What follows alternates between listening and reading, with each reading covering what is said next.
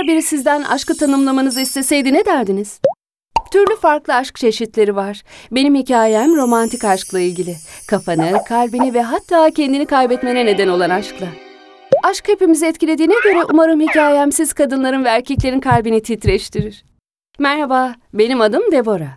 Erkek arkadaşım Omar'la tanıştığımda ilk karşılaşmamız adeta cennette gerçekleşen klişe bir eşleşme gibiydi.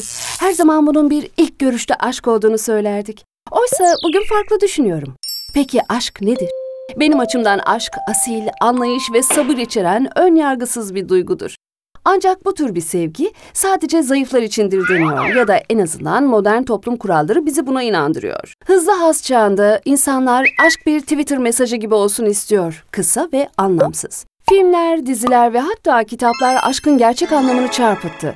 Günümüzde bu kadar çok mutsuz çift olması belki de bu yüzden. Eğer birine sevgi, güzel bir jest veya şefkat gösteriyorsanız bir aptal olarak kabul ediliyorsunuz. Neden peki? Gerçek aşk dodo kuşunun soyu gibi tükendi mi yoksa? O zamanlar kendimi şanslı hissediyordum. Çünkü Omar'la olan ilişkimizin peri masallarındaki gibi olduğunu düşünüyordum. Bilirsiniz işte sonsuza dek mutlu yaşadılar gibi olanlardan. Ancak ilişkimiz ikinci yılın sonunda kötüleşmeye başladı. Önemsiz konularda bile sık sık tartışır olmuştuk. Omar benden uzaklaşmış ve soğuk davranır olmuştu. Birkaç kez ayrılmayı düşündüysem de durumların düzeleceğine inanmaya devam ettim.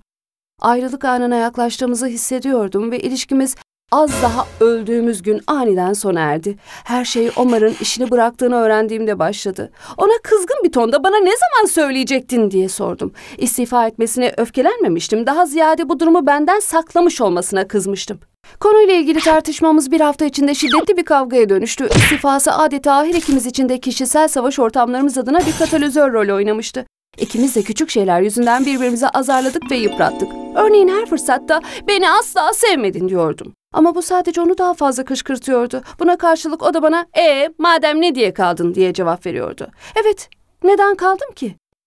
Buna kafa yoruyordum. Acaba sebep gönül rahatlığı mıydı yoksa alışkanlık mıydı? Ya da yalnız kalma korkusu muydu? Hafta sonu bu minvalde yuvarlandı gitti ve sonunda şehir merkezindeki yıllık sanat festivaline gitmeyi kararlaştırdık. Dışarıda geçireceğimiz kaliteli zamanın bize yardımcı olacağını düşünüyordum ve yine yanılmıştım bir kez daha. Omar kırmızı ışığı ihlal ettiğinde arabada tartışmaya başladık. Kör müsün, kırmızı ışığı görmüyor musun diye bağırdım.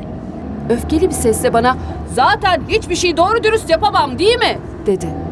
Omar hızını arttırmaya başladı. Gözleri yolda sabit olmasına rağmen zihninin başka bir yerde olduğunu görebiliyordum. Beni korkutan yüzündeki bomboş ifadeli bakışıydı. Araç sanki otomatik pilottaymış gibiydi. Şehir sokaklarında hız sınırını aşıyordu. Aniden panikledim ve ne yapıyorsun diye haykırdım. O cevap vermedi. Tekrar ikimizi de öldüreceksin diye bağırdım. Aniden kendimi hızlı hareket etmek zorunda olduğum bir gerilim filminde kahramanı oynarken buldum. Bağırıp çağırmak bir işe yaramıyordu. Hızla frene bassam araba kaldırıma savrulurdu. Hız göstergesindeki iğne sürekli yükseliyordu. Caddelere bakamıyordum. Yayaları ezip geçeceğimizden ya da başka bir arabaya çarpacağımızdan korkuyordum. Neyse ki sokaklar boştu. Ona doğru eğildim ve yumuşak bir ses tonuyla şöyle dedim. Bebeğim her şey yoluna girecek. Lütfen biraz yavaşla dedim. Saçlarını okşadım. Sonra elimi omzuna indirip sağ kolunu okşadım. Sonunda elimi elinin üstüne koydum. Kızgın transından uyandı ve aracın hızını düşürdü. Kenara çek lütfen dedim usulca. Arabayı bir caddenin köşesine park ettiğinde kaslarım gevşedi ve rahat bir nefes aldım. Ona sıkıca sarıldım. Çok üzgünüm dedim ama değildim. Hayatımı kurtarmak için yapmam gereken şeyleri yapıyordum sadece. Bu zehirli ilişki içinde çok uzun süre kaldığım için hissettiğim şey yalnızca üzüntüydü.